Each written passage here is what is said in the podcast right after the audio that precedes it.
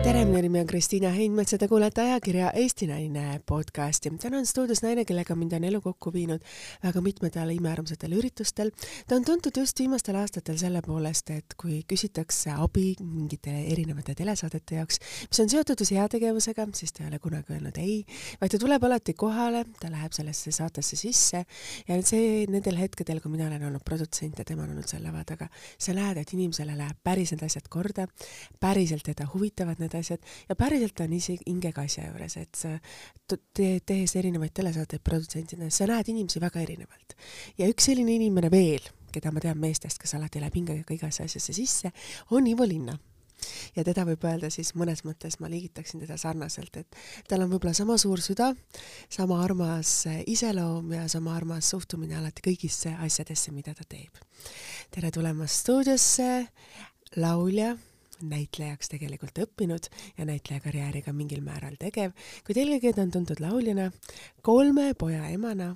tere tulemast, Mari Jürjens tervist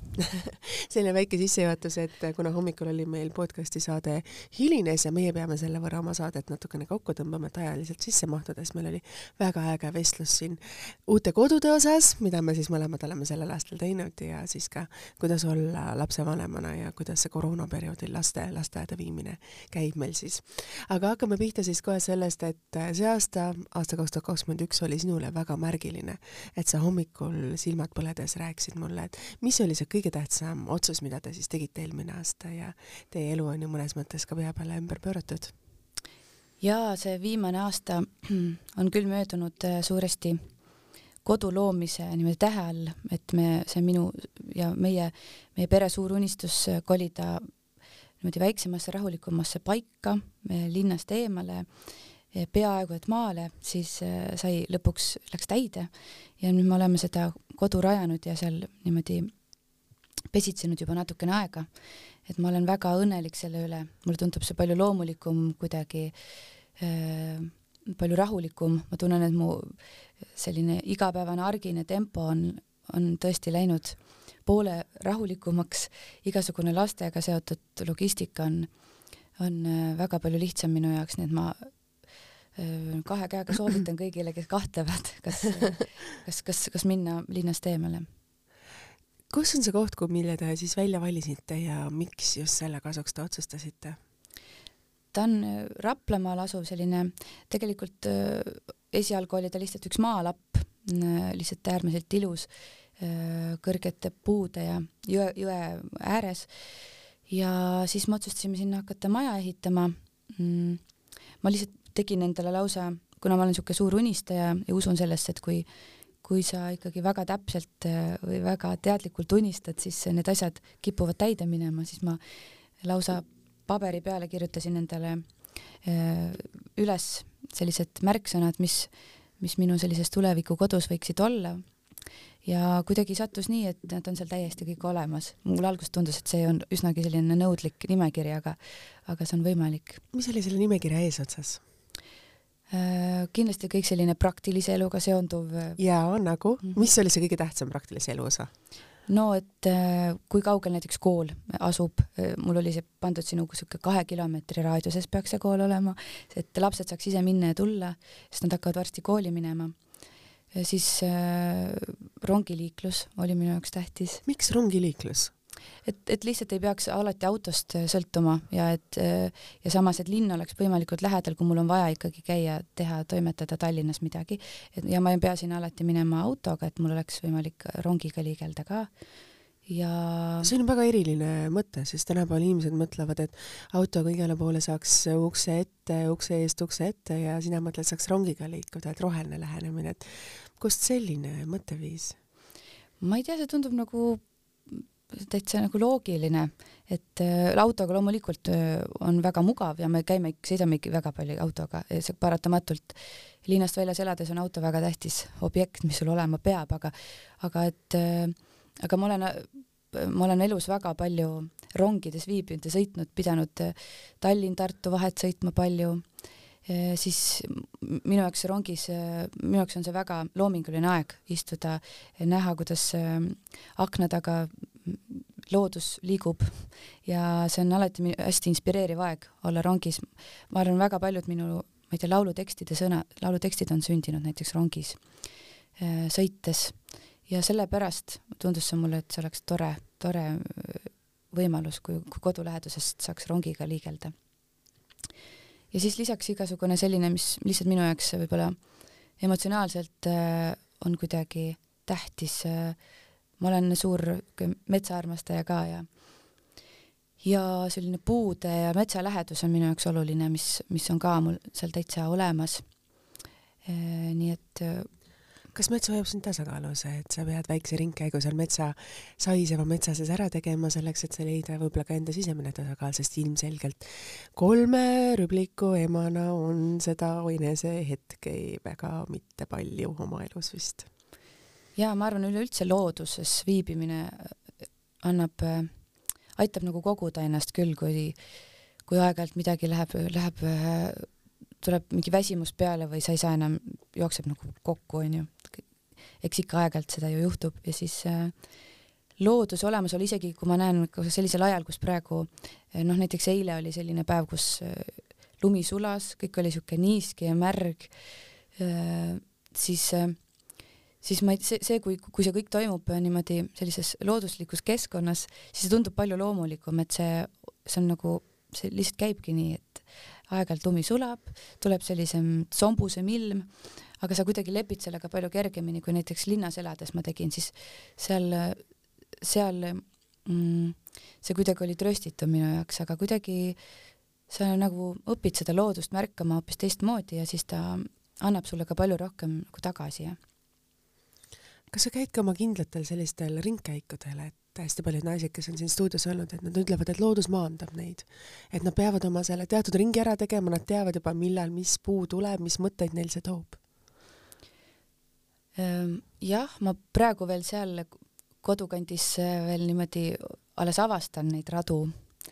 ja aga samas kasvõi sellel väikse maalapil, mis, mis meie nagu maja ümber jääb. kui suur teil see maal on? ta ei ole ta on niisugune üks, üks hektar, ta ei ole niisugune väga suur, ta on täitsa parasjagu, et seda hoomata ja, ja ma tunnen, tunnengi seal olles, noh, see on nagu selline suur rõõm, mis mind igal hommikul valdab, et mul on olemas see üks hektar maad, mida, mida kuidagi hoida selle suure maailma peal ja teda niimoodi kaitsta, et, et seal midagi halba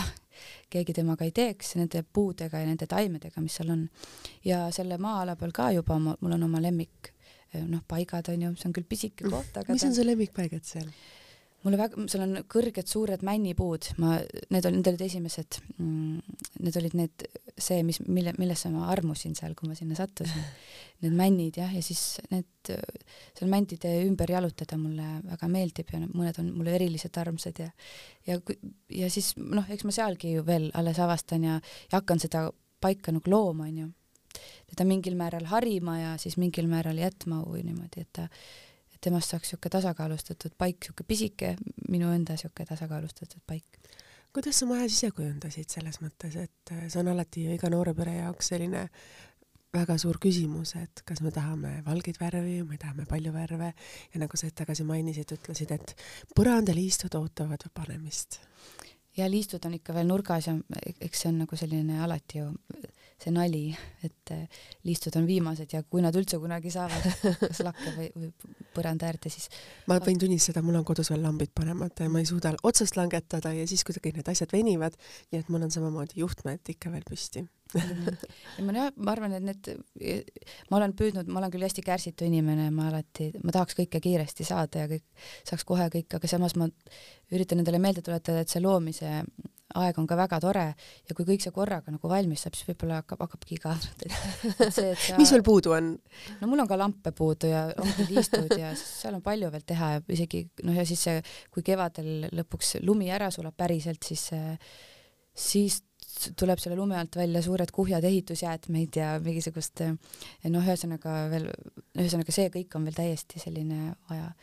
vaja nagu korrastada, palju on teha, ma arvan, kõik majaomanikud teavad, nüüd ma, mina ka nüüd avastan seda, et see on öö, hoopis suurem mastaapsem kui lihtsalt tubade koristamine, seal on palju rohkem asjaajamist pidevalt ja see on ka, minu arust hoiab nagu kuidagi. Ei jõua siis hakata mõtlema selliste noh, ülemõtlemis noh, ma olen tihti, hakkan üle mõtlema, mõtlen, muretsen asjade pärast, mille pärast võib-olla ei pea, et kui on teha kodu ümber toimetada, siis võib-olla jäävad need mingisugused muremõtted kuskil ära.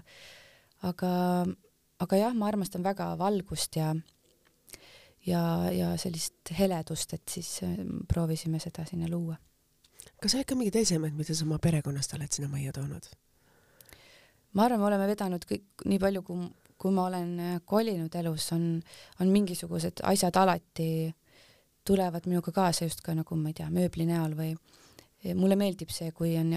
kui mul endal võib-olla see mõne jaoks üsnagi väärtusetu ese või mööblitükk, siis minu jaoks ta on juba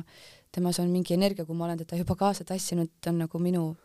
käinud minuga kaasas, siis minu jaoks ta on nii armas, et ma ei saa temast nagu nii väga loobuda, et siis ma otsin talle uut niimoodi väärikat paika. kas võib öelda mõnes mõttes, et sa oled nüüd tagasi kodus, et su elu oli vahepeal Tallinnas, väga Tallinna keskne, sa oled ju Põlva tüdruk, mida sa mäletad oma lapsepõlvest? ma olen tegelikult nii, et ma Põlvas elasin jah, sellise väga varase lapsepõlve kuni kuuenda eluaastani, aga ma pean ennast siiski Tartu tüdrukuks, sest et alates kuuendast eluaastast siis me kolisime Tartusse. Ülenurmele? jah, Tartu lähedale onju ja käisin seal Ülenurmes alguses koolis ja siis juba Tartus koolis, aga jah äh,, ma Tartusse jõudes tunnen ennast selles mõttes, et see on selline, selline linn, mida ma tõesti otsast lõpuni tunnen ja, ja väga armastan kas sa kordagi ei mõelnud, et tahaks sinna tagasi, et hästi paljud, kes on Tartus üles kasvanud, nagu tunnevad, et nad ei kohane Tallinnaga või ühegi teise paigaga, et see Tartu on nendel nii südames? Tartu on mul väga südames ja, ja ma olen väga palju selle, selle peale mõelnud, et sinna tagasi minna, aga kuidagi elu sai seotud, seatud Tallinna keskseks, kui tekib pere ja ja sa pead siis ju üksteisega arvestama, minu abikaasa töötab, mina olen küll selline vabakutseline, ma võiksin elada ükskõik kus, aga vab-, aga mu abikaasa töötab siiski Tallinnas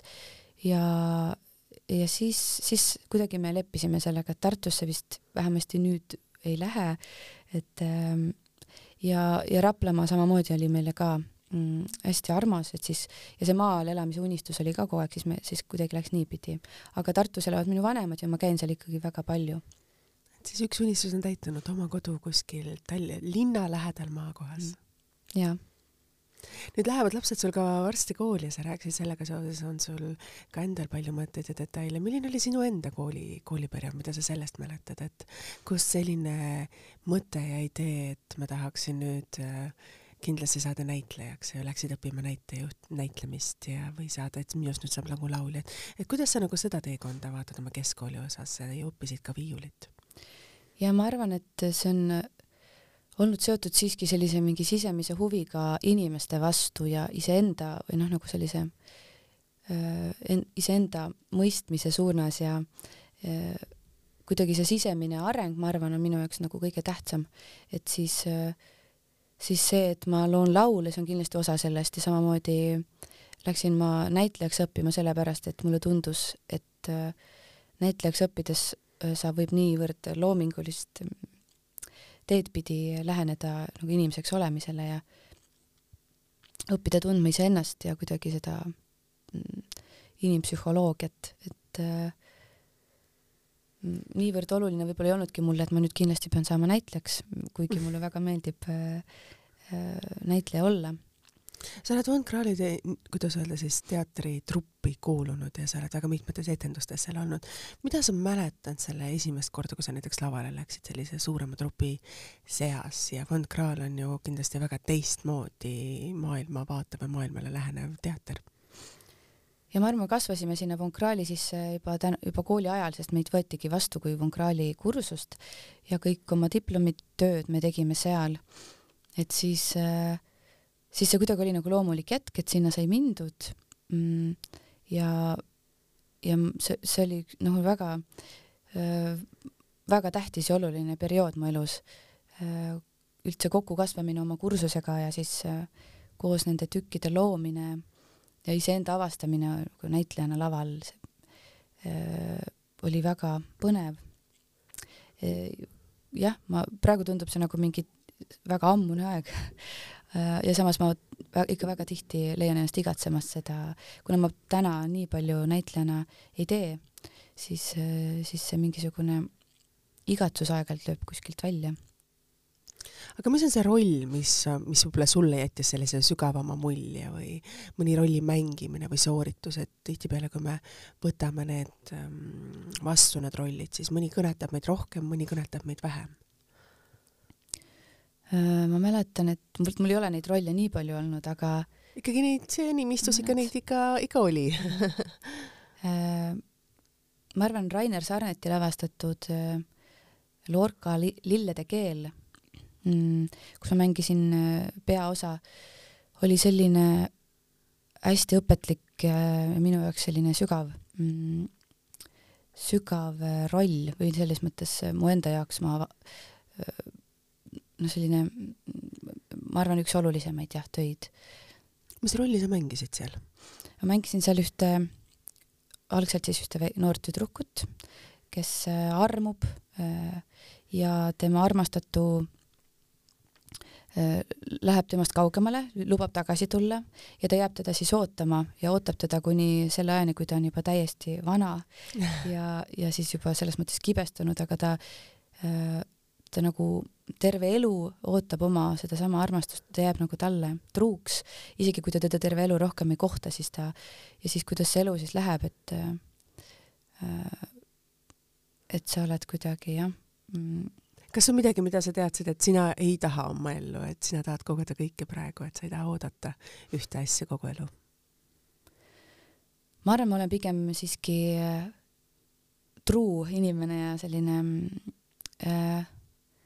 ma nagu võib-olla isegi, ma ei tea, ma, ma arvan, ma elan selliste pikkade eesmärkide nimel ja ja võib-olla isegi tundsin ennast väga palju ära selles rollis, et ma ei tea, kui ma, et mul on läinud hästi, minu nagu armastatu on siinsamas, aga et, et kui, kui see, ma ei, ma ei tea, et see, see tundus mulle selline asi, mis võib olla täiesti võimalik, et sa jääd kedagi niivõrd igatsema, et sa loobud oma elust, et lihtsalt äh, teda terve elu igatseda, ma ei, no see, see oli selline mõttes väga põnev ja nagu, nagu ilus, ilus selline analüüs ja mõte, mida ma sain siis, või rännak, mida ma sain teha tänu sellele rollile. sa oled abielus olnud ju nüüd juba aastast kaks tuhat neliteist, et kuus aastat, rohkemgi, kaheksa aastat juba. ja kohe. sa olid ju väga noor, kui sa abiellusid. vist jah tänapäeva, tänapäeva. tänapäeva mõistes ikka väga noor nagu selles mm -hmm. mõttes, et äh, olid sa oma ringkonnas siis üks esimesi või oli see pigem nagu tavaline teie, sinu sinu sõpruskonnas? mulle tundus, et äh, mm, et äh, päris paljud minu sõpruskonnast tol perioodil äh, läksid nagu samasse, sama, sama rada ja abiellusid ja, ja järsku mulle tundus, et äh, või, või võib-olla lihtsalt ma tundsin, et minu ümber on inimesed, kes kuidagi usuvad sellesse, et äh, siduda keda, kellegagi oma elu ja abielluda ja mitte seda nagu karta äh,. ma ei tea, jah, äh, ma ei ütleks, et ma olin ainus või kuidagi esi, esimene, et meid oli päris palju minu sõprade seas, kes äh, mida on abielu sulle andnud, et sa ütlesid, et, et sa ei kartnud abielluda? ei, ma lihtsalt ko olen, olin kogenud, et väga paljude sea- või noh, nagu äh, olin näinud äh, seda hirmu võib-olla inimeste sees, et see, see kuidagi on nüüd midagi, mis on lõplikku ja see või see, kas sa ka suudad kedagi niimoodi usaldada, aga minu jaoks on see isegi mitte, mitte mingi küsimus. et ma olin sellest alati unistanud ja ja ma, kui, kui sa leiad kellegi, keda, keda sa niivõrd usaldad, ühesõnaga sa nagu leiad selle enda inimese, siis, siis ma ei, mul ei tekkinud kordagi seda mõtet, et üldse midagi tegelikult karta. see on täiesti selline loogiline, äh, loogiline jätk sellele ja ma tundsin, et see, see, seda, seda nagu tähistada, seda pühitseda või nagu vormida abieluks on nagu äh, kõige õigem samm. mida sa mäletad oma pulmapäevast, et sa räägid sellest oma abielust nagu nii ilusasti ja nii südamlikult, et mida sa mäletad oma pulmapäevast, et see on ju selles mõttes tähtis otsus, ja tihtipeale meil käed värisevad ja süda, süda puperdab ja pärast mõtled, et aga ma väga palju ei mäletagi tegelikult, et see päev oli justkui kõigile teistele, mitte sinule endale. sel-, selles mõttes võib-olla tõesti pulmapidu on minu jaoks niisugune väga ähmane, sest see see, see oli tõesti, ma arvan, ma lihtsalt nautisin seda, et, et see oli nagu mingi hiigellavastus, mille sa olid siis, mida sa olid ette valmistanud ja järsku see kõik juhtus ja nüüd kõik inimesed, kes sinna olid tulnud ja said seda, sellest osa ja ma sain seda nautida, et see nüüd on, nad on siin ja ja, ja aga see, ma arvan, selle päeva kõige erilisem hetk on ikkagi see, see altari ette jõudmine ja siis see mm. mis tunne sind väljas, kui sa sinna altari ette jõudsid, et et need esimesed sammud, kui sa lähed, sa vaatad, inimene vaatab sulle otsa, armastus on õhus, süda väriseb, et mis tunne sind väljas? ma arvan, et seda nagu seletada väga hästi ei saagi, aga aga ma arvan, et see on selline ühtepidi hästi-hästi ülev ja selline, mida ma ütlengi, et see on nagu sõnas, sõnus nagu seletamatu ja samal ajal äh, täiesti loomulik äh, mm, ja kõige tähtsam nagu selline mm, hetk või kuidagi, et nüüd äh, isegi kui me ju teame, noh, kas paljud võivad vaielda, et kas see on nagu oluline nüüd minna ja nüüd seal lausuda, vanduda ja äh, et kinnitada seda, seda armastust, siis, siis minu jaoks või meie jaoks oli see nagu ainuõige, et seda kõigi teiste ees ja nagu kinnitada. sul on vist väga tore perekond, sul on kaks õde. Te kasvasite kolmekesi üles, et mida sa mäletad sellest perioodist, et kas oli midagi, mida sa õppisid oma õdedelt, oli midagi, mida sina ise õpetasid oma õdedele? et suur perekond ikkagi jah, minu kõige noorem, noorem õde siis, äh, tema sündis meist, noh, minust kolmteist aastat hiljem, nii et äh, teda ma sain, tema eest ma sain juba hoolt kanda niimoodi, et äh, nagu, nagu selline suur-suur õde. Et ma sain tal käia juba lasteaias järel ja tunda ennast nagu juba kohati äh, nagu, nagu ema, onju, et ma sain esmakordselt niisuguse pisikese inimese eest hoolitseda juba siis, kolmeteistaastasena äh, aga, ja aga sellise, sellise oma varase lapsepõlve veetsin ma koos siis oma mm, teise, mina olen siis kõige vanem õde, onju, äh, Liisiga, kes, äh, kellega me kasvasime ikkagi nagu kaksikud. Mm, tegime kõike koos ja veetsime ikka kogu, peaaegu kõik päevad ja olime väga lähedased ja oleme siiamaani mis on need saladused, ma küsiks üks saladus, mida võib-olla teie ema ka ei tea, mida te olete kahekesi teinud, sest ilmselgelt kaks tüt-, kaks õde, kes on väga, kuidas hingeliselt kokku kasvanud, üksteist toetavad, siis neid hetki võis kindlasti olla. Isver, vist niimoodi ei meeldi, me olime ikka väga korralikud tüdrukud, me olime äh, tublid ma mäletan, ma oleks, mina võib-olla korraldasin rohkem sigadusi, eriti suvel vanaema juures olles, siis ma seal. mis olid need sigadused? Noh, otsustasin näiteks vanaema kardinad pooleks lõigata ja tegin mingisugust siukest, ma ei tea, mis mul pähe lõi vahepeal, siis ma kiskusin siis oma õega sinna kaasa, siis äh, mina olin ikkagi suuresti eestvedaja, mingisuguste lolluste eestvedaja. ma ei tea, tahtsin proovile panna ennast või vanaema või ma ei tea mis on need võib-olla nüüd, kui sa oled ise ema, et mis on võib-olla need asjad, mida sa vaatad oma lapsepõlvele, et mis on need väärtused, mida sinu ema sulle kaasa andis ja mida sa nüüd ise näed, et isegi kui sa vahepeal nende vastu, kuidas öelda siis, vastu olid või nende vastu sõdisid mõnes mõttes teismelisena, siis nüüd sa näed, need tulevad sinu juurde tagasi ja emana sa annad edasi need oma lastele. ma arvan, üks väga tähtis äh, üldse elu selline ähm, ma arvan, usaldus on üks midagi, midagi sellist, mida mina olen saanud oma kodust kaasa ja mida ma algusest peale olen endale proovinud meelde tuletada, et ma igal hetkel äh, oma lapsi, oma, üldse oma perekonda, oma abikaasat ja üldse kuidagi elu usaldaksin, et äh, et kõik, mis juhtub, seda, seda kuidagi võtta lihtsalt vastu ja, ja et mitte kuidagi suruda mingis suunas, vaid et äh, Äh, usaldada, et kui sa ise, kui sa teed nii, nagu sina tunned, et on õige, siis, siis usalda, et see läheb hästi või kuidagi nii, et ta läheb nii, nagu ta peab minema. Millal sa ise mõistsid, et sa suudad oma sisetunnet kuulata ja selle järgi juhinduda? et see on ka mõnes mõttes äratundmine, sest teismelisena me ju ei tea, millises suunas minna, mis uks avada ja mis valikuid täpselt teha või oled sa kogu aeg teadnud, et ma nüüd tean, ma tunnetan ennast, et ma nüüd lähen selle jõu mööda, mis mind seest tuleb ja toob ja viib ma arvan küll, et ma, ma ei, võib-olla nendel hetkedel, kui, kui on vaja mingi otsus langetada, siis ma alati, ma ei tea, kas ma teismelisena seda väga niimoodi analüüsisin, et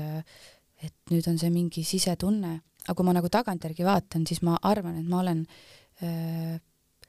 äh, alati seda usaldanud siiski, et ma olen nagu teinud otsuseid, mis äh, mis tagantjärgi ma tundsin, et, et äh, uskumatu, et ma läksin seda teed, mitte seda teed, sest et ma kuidagi äh, et noh, jah, jällegi ma arvan, et ma olen, et, et mind on nagu usaldatud kodus äh, juba lapsena niimoodi, et, et ma olen saanud teha neid otsuseid nii, nagu ma tegelikult kuidagi olen tundnud ja siis hiljem tagantjärgi olen, on mul tunne, et ma olen teinud nagu õigesti. ja ma proovin seda alati kuidagi tunnetada ka nüüd, et kui ma olen hästi halb otsustaja, mul on õudselt raske otsuseid teha, ma võin jääda nagu mingeid asju tükiks ajaks vaagima, et mis on ikka õige, aga ma nagu alati tean kuskil, et ma, et, et et ma teen nii, nagu ma tegelikult tunnen, et küll ma ühel hetkel tunnen selle ära ja siis ma teen selle otsuse. miks sul otsuseid on nagu raske nagu langetada, sa ütlesid, sa kuulad oma sisetunnet ja sa teinekord ei tea, kas nii või nii või nii minna, et et kas kuidagi sa nagu lapsepõlvest mäletad juba seda, et otsuste tegemine on nagu raske, et et kui sa otsuse langetad, et sa ütlesid, sa usaldad elu, et siis sa kindlasti sellega ka edasi lähed, et sa ei hakka otsust muutma? Ei, ma võin ka jääda väga palju niimoodi põdema, mul on ka seda, et ma teen otsuse ära, siis ma hakkan põdema, kas oli ikka õige. Siis aga et, aga takkajärgi ma alati nagu näen, et ikka, et et, et oli küll, et just eriti mingite suurte otsuste ees ma proovin jah, lihtsalt nagu jääda rahulikuks lõpuks ja mm, et äh, lihtsalt on olnud hästi palju kas või jah, sellisel elu olulistel valikutel, kuhu minna õppima või äh, on olnud nagu erinevaid variante, aga siis, siis alati on kuskilt tulnud mingisugune ma ei tea, mis asi see on. impulss kuskilt mingi impulss, mingisugune, keegi ütleb kuskilt seest, et tead, mine sinna hoopis ja siis, siis, siis sa avastad, et see oli kõige õigem asi, mis sai juhtuda. sa oled välja andnud mitu albumit ja ühe albumi nimi oli Maa ja taeva vahel. kas see on ka selline siis, ei tea, kas siia või sinna? jaa, selle albumi nimi tegelikult Maa saab taevani aga jah, põhimõtteliselt, põhimõtteliselt äh, just nii, et äh, ma vist jaa, ma see ei ole võib-olla isegi selle valikute küsimus, kui et ma äh, Äh, lihtsalt no, aeg-ajalt saad nagu aru, et sa oled siin, elad siin maa peal, aga ma mm, aga usud, et võib-olla kuskilt, äh, et keegi nagu mingis mõttes kas suunab või hoiab meid kuskilt kõrgemalt, mulle tundub, et see hoida nagu seda äh, alati meeles, seda sellist praktilist maist elu elada nagu kahe jalaga maa peal ja samal ajal olla kuidagi ühenduses sellega äh, et, et mitte nagu kaduda sellisesse argisesse ka ära, et on alati midagi nagu suuremat ja olulisemat veel, et siis ma võib-olla selles, selle, selle, seda albumit luues äh, tegelesin just nende küsimustega väga palju siis sai selle, selle albumi pealkiri just selline ja need lood. see oli ligi kümme aastat tagasi, siis olid sa ju mm. veel väga noor. jah, oi, see vist oli lausa ülikooli ajal, kui sa selle albumi välja andsid? see oli see oli kaks tuhat kolmteist, nii et ma olin just napilt lõpetanud ülikooli jah, ja olin siis, aga ma ei olnud veel lapsevanem. et see oli selline. sa mainisid, et sa ei olnud veel lapsevanem mm. -hmm. mis muutub elus, kui sa saad lapsevanemaks, mis muutus sinu elus?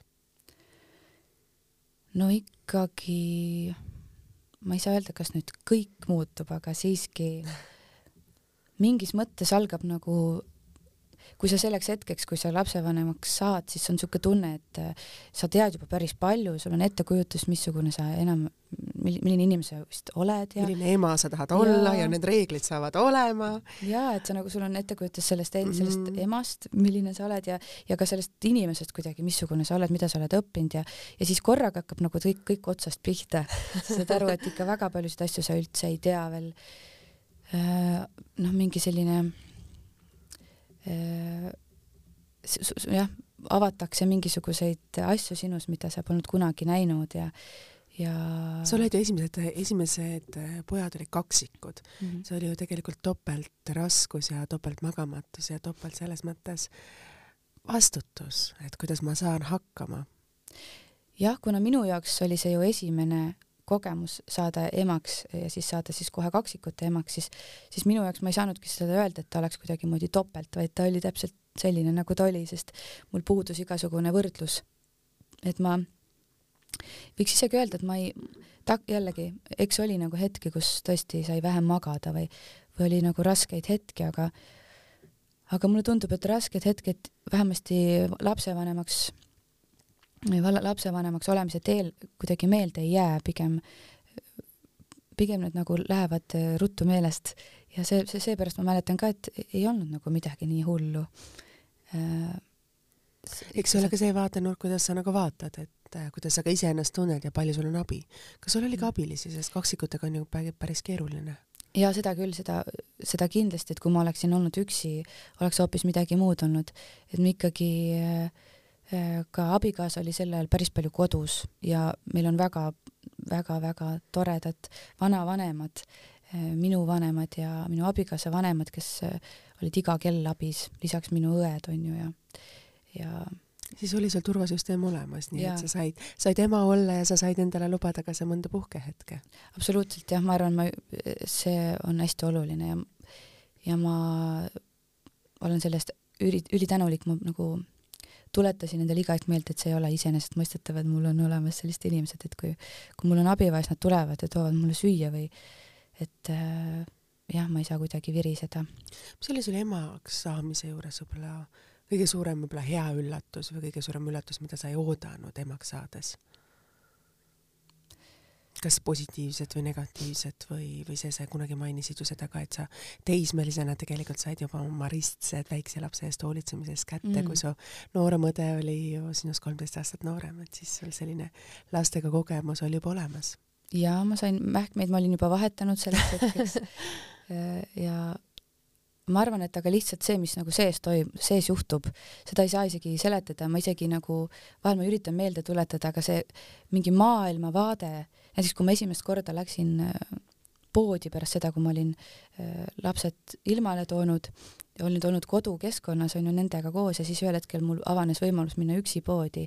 siis ma isegi ei oska seda seletada, et kui, kuivõrd oli see maailm hoopis teistmoodi, kuidas, kuidas ma nägin igat inimest, kes mulle vastu tulid. Ja mulle tundus, et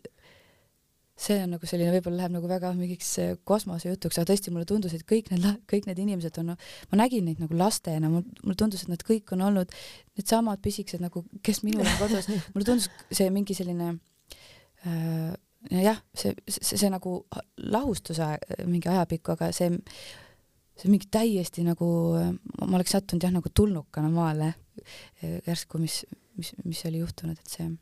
on sul elus ees on veel olnud selliseid hetki, kus sinul on selline sündmus, et sa hakkad maailma vaatama hoopis teistmoodi, et tundnud, et tunned ennast nagu võõrkehana, kui sa lähed teise keskkonda, et mina olen ise seda väga palju tundnud, et et kui sa tuled äh, mingist ühest hoopis teisest pehmest keskkonnast ja siis sa satud nagu rokkfestivalile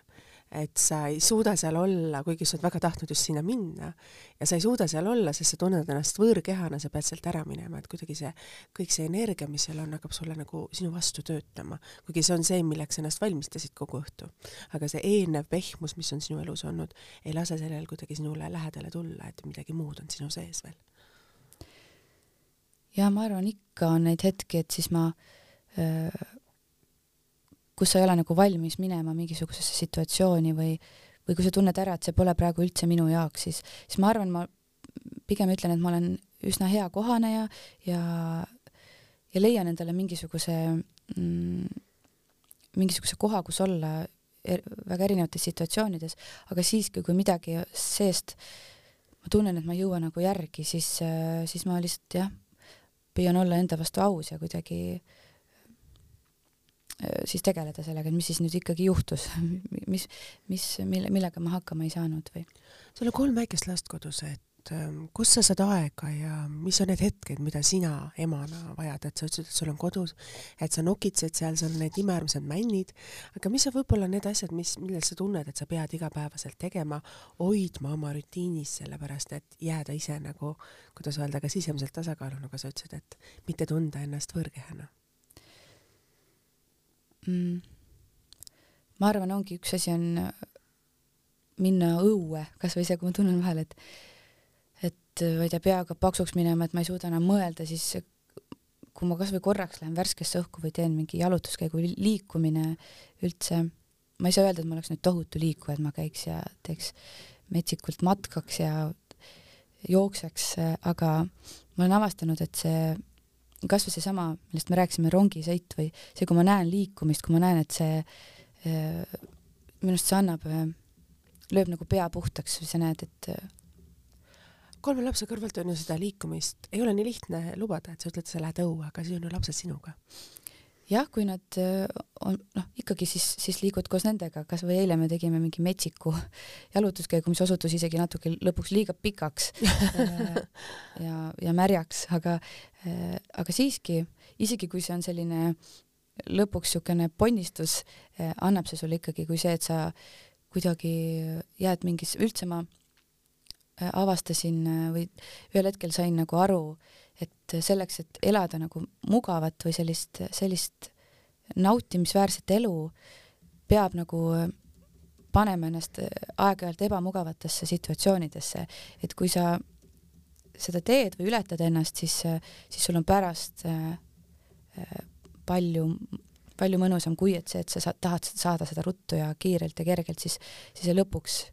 pikas perspektiivis ei ole mõnus, aga kui ma, kui ma teen selle otsuse, et ma nüüd teen midagi sellist võib-olla, mida, mis on korraks ebamugav, äh, siis, siis ma olen pärast äh, palju õnnelikum. et ma arvan, igasugune liikumine või kä enda kätte võtmine, enda, enda nagu ületamine on nagu oluline. mis on see, mida lapsed on sulle õpetanud? Ja kas nende sõnad on ka need sinu lauludes juba täna kajastunud? on mingid hetked, mida sa oled ise oma seest pannud nüüd lauludesse? jaa, ma, kui nad sündisid, siis, siis esimese hooga oli minu jaoks äh,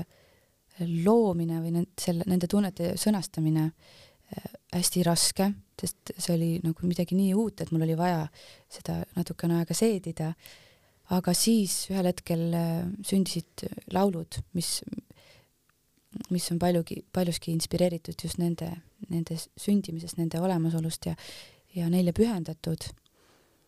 Mm.. sul tuleb ka kontsert nüüd äh, varsti koos veebruaris erinevad kontserdid, et kas need laulud on ka nendel kontserditel? sest ma tean, et sa ei anna väga tihti kontserte, sa planeerid nad väga, väga, kuidas öelda, pikalt ette ja nendel kontsertidel on selline eriline atmosfäär, sa lähed nagu inimestesse nagu sisse. et äh, sellepärast ma küsin, et kas need laulud on ka seal? jaa, ma arvan, et äh, et äh, need laulud jah, mis, mis, mis on sünd-, mis on minu lastega seotud üldse alates laste sünnist, nad on ju, on ikka, nad on nii suur osa minust ja looming on noh, ta on nagu tükike mind, mind, et ja kõik, mis on minuga seotud, tuleb minu loomingusse, ma arvan, kaasa. nõnda on minu lapsed alati nagu osa sellest, et siis needsamad laulud on alati jah, minuga kaasas, nad ja nemad ise ja, ja, ja nii ma neid kindlasti loon ja esitan ka nendel veebruarikuistel kontsertidel koos VHK keelpilliorkestriga. sa ütlesid VHK ja keelpilliorkestriga. ma olen ise ka vaata kokku puutunud selle VHK keelpilliorkestriga, et kuidas, kust selline koostöö, et sa oled ise lõpetanud ju Tartu Muusikakooli viiulieriala? jaa, see koostöö, ma arvan, on äh, seal on ju ikkagi lapsed jaa, see, aga nad on väga-väga andekad ja just ka, ma arvan, et see koostöö tuleb tänu Rasmus Puurile, keda ma juba ammu tunnen ja kellega meil on olnud väga palju erinevaid äh, nagu äh, koostöid juba olnud, keda, kellega ma olen kokku puutunud äh, ja kuna tema veab seda orkestrit, et lihtsalt teeb niivõrd ilusat tööd ja need noored on lihtsalt niivõrd toredad ja andekad, et siis, siis ma juba ammu, kuna meil on, me oleme niimoodi mitmeid kordi koos esinenud ja niimoodi üksikuid lugusid koos teinud, siis ühel hetkel kogunes neid äh, lugusid täitsa parasjagu, et tundus, et nüüd oleks aeg täitsa kontsert kokku panna. ja me kas lükkasime seda edasi. kas sa ei karda natukene, nad on ikkagi ju väiksed lapsed, teismelised, et äh, ja nad suudavad selle suure pika kontserdi ära anda koos sinuga. see peab olema ju vä väga selles mõttes äh, sünergiline koostöö. me oleme täitsa mit-, me oleme täitsa mitu sellist koostööd teinud, kus nad on pikalt, nad on nii kogenud, nad on palju kogenumad kui mina. ma arvan, et äh, see ei ole üldse mingisugune, ma selle peale üldsegi ei, ei, ei oska, ei oska seda mõelda, et selles mõttes äh, ma olen neid näinud äh, väga erinevates situatsioonides erinevate inimestega koos muusikat tegemas, et nad on väga-väga toredad, jah. mida sa ise ootad nendest veebruari kontserditelt, et sa ei ole ju väga pikalt olnud laval? Ma, ma olen noh, niimoodi, et ma ikkagi noh, näiteks suvi oli mul väga tihe ja aeg-ajalt, no sügis on olnud hõredam küll aga ma arvan, ma ootangi just seda, et nende samade noorte ja Rasmusega kokku saada ja ja lihtsalt, kui ma enamjaolt ikkagi käin esinemas üksi mm, -hmm. siis igasugune koostöö või kui ma kuulen laval teisi pille peale selle kitarri ja enda hääle onju, siis see on niivõrd inspireeriv, et äh, lisaks äh, üks kontsertidest toimub Arvo Pärdi keskuses, kus ma pole kunagi, see tundub lihtsalt äh, see on väga intiimne õhkkond seal ja, see muuseum. ootan väga seal, seal laulmist kui sa mõtled nüüd ise nendele kontserditele ja sellele koroonaperioodile, et äh, mingil hetkel tuli ju aeg maha võtta ja kõik sinu elu jäi seisma, et mida sa ise sellel perioodil oled mõelnud ja mis see periood on sulle andnud? sest ka täna hommikul me rääkisime, kui, kuidas me emadena tegelikult hinge, hinge värisedes oma lapsi sinna lasteaeda viime või pigem hoiame need kodus, et minu tütar oli praktiliselt terve sügis kodus erinevatel põhjustel, kas tervislikel või lähikontaktsena ja sa just mainisid samamoodi, et mm. nüüd on sinul see periood käes, kus tuleb abikaasaga jagada kolme poisi kaasavõtmist koosolekutele, intervjuudele, kõiki neid ettevalmistusi koos teha, et ei julge mm. lasteaeda viia. ja õnneks ongi olnud nii, et kuna meie töö on selline, et me saame seda mingil määral ikkagi kuidagi jagada või suunata, et ma ei pea käima hommikust või mul ei ole mingit kindlat tööaega, ma saan seda kuidagi jagada, kui, kui just ei olegi jah, mingit kontsert, kontserteid või et siis äh, Äh, lisaks nad ei käi veel koolis, mis on olnud siiamaani väga suur õnnistus, et see, et nad lasteaiast puuduvad, ei ole aga midagi hullu. ühesõnaga, see aeg on olnud ikkagi, ma ütleks, et ikka väga, väga tore, ma ei saa öelda, et mul oleks olnud mingit tohutut äh, äh, väga suuri raskusi, jah, et ma püüan lihtsalt, püüame olema, püüdnud olla ettevaatlikud ja, ja praegu tõesti nad lasteaias mõnda aega ei käi, aga aga me saame hakkama ja kõik, kõik läheb mööda. mis on võib-olla sinu jaoks koroona jaoks olnud selline, sinu jaoks olnud eneseületav, eneseületavad detailid või mis on nagu see, mis pani sind nagu teistmoodi maailma peale vaatama, et mis on oluline? olles selline väga suur äh, kontrolli, ma ei tea, kas friik, aga ma tõesti, ma see selline vajadus kontrollida, teada, ette planeerida äh, on minus väga suur Äh, siis ma arvan, et see, need viimased aastad äh, kindlasti on õpetanud seda, et see midagi kontrollida ikkagi ei saa ja elu teeb oma korrektuurid. ja et sa ei saa midagi ette väga planeerida, et kõik, äh, sa noh, tuleb olla valmis muutusteks ja kõik muutused, kui esmapilgul tunduvad kuidagi, ma ei tea, negatiivsed või teevad su elu korraks keeruliseks, siis tegelikult võib-olla on neis ka alati midagi head, et siis äh, seal nende muutustega kohanemine ja, ja lihtsalt leppimine, et äh, kõik võib minna nii, nagu sa võib-olla ette ei planeeri, et sellega kuidagi ära harjuda. kui sa nüüd ise mõtled, et sa oled harjunud nüüd nagu teistmoodi, et on see hea või on see halb? Sest hea on ju, kui sul on planeeritud elu ju, et nagu sa ütlesid ka, et noh, ilmselgelt kui sa käisid muusikakoolis äh, erinevate linnade vahel sõitmine, et see on väga suur selline konkreetse logistikakeskuse omamine juba nagu lapsepõlvest ju saadik, sest muidu ei tule mm, saa hakkama. Nojah, mul, mulle tundubki, et sa võid planeerida ja mingil määral et, noh, niimoodi ette, et sa näed nagu mingit perspektiivi on oluline, aga siiski võib-olla see, kui sa, kui sa nagu ei arvesta sellega, et võib ka minna teisiti, siis see stress võib olla lihtsalt nii suur, et ma lihtsalt püüan äh, alati ju tegelikult äh, me suudame kohaneda, et see mm, isegi kui korraks tundub raske, et nüüd on vaja midagi täiesti mm -hmm. teistmoodi mõelda, siis, siis, siis äh, ühel hetkel avastad, et see on täiesti võimalik, sa suudad päris kiiresti ennast kuidagi ümber häälestada ja, ja, ja hakkama saada, et siis, siis jällegi ma arvan, seesama usaldus, et sa sa saad hakkama, kõik, kõik, kõik, kõik saab korda. mu endal oli just see, et kui sa oled harjunud, et sul on kindel graafik ja kindlad asjad ja kui neid ühel, ühel hetkel ei ole mm, -hmm. sa mõistad, et maailm ei kukugi, ei kukugi kokku, vaid ta Mhm. täitsa eksisteerib ka ilma nende asjadeta, mida sa oled planeerinud. absoluutselt jah. maailm lä- liigub muidugi kogu aeg, kogu aeg edasi, ükskõik mida sina siin, näiteks sealsamas äh, nüüd maal või niimoodi elades looduse keskel, siis siis, siis ma imetlen just seda, mis mind ka hommikuti rahustab, kui ma vaatan õue, kui ma ei näe mitte esimese asjana inimesi niimoodi liikumas või autosid, vaid, vaid lihtsalt puid ja, ja ma ei tea, vett, siis, siis, siis see alati rahustab mind, et ükskõik, kuhu meie siin liigume, mida me planeerime, mida me, kuhu me tormame või siis, siis see, siis see kuidagi see loodus, ta, ta liigub alati ise ja tal ei ole mitte mingisugust pikka eesmärki, vaid tal on see kulgemine, mis tal parasjagu on ja siis ta leiab tee seal kõige keskelt läbi, et tal ei ole mingisuguseid muresid. siis ma mõtlen, et et me, me oleme ju osa sellest, et ku, kuidas me, kuidas nüüd leida see samasugune rahu üles, nagu on, ma ei tea. Nagu on selles looduses, mida me siis imetleme ja, ja tunnetame, kui me selle sees oleme mm. -hmm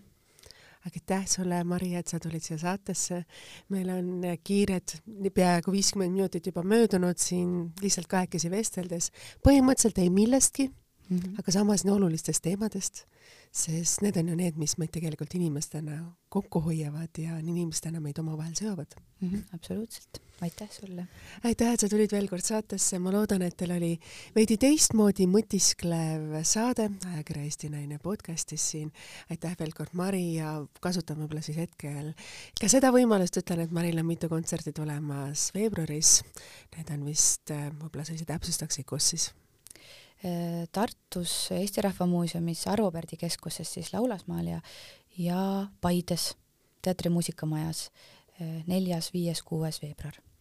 hästi armas ja ma tean, et ajakiri Eesti Naine teeb sinuga koostööd, nii et kindlasti leiab see kajastamist veel mitmetes muudes platvormides. aga veel kord aitäh teile, aitäh teile, kallid kuulajad, ma loodan, et oli teistmoodi saade loodusekesksem ja rohkem rahulikke homme sisemisi mõtteid. ja saade on ikka kuulatav nagu ikka Delfi taskukeskkonnas, SoundCloudis ja Spotify's. kohtume teiega juba nädala pärast. uued teemad, uued mõtted naiseks olemise teemal. aitäh teile ja nägemist!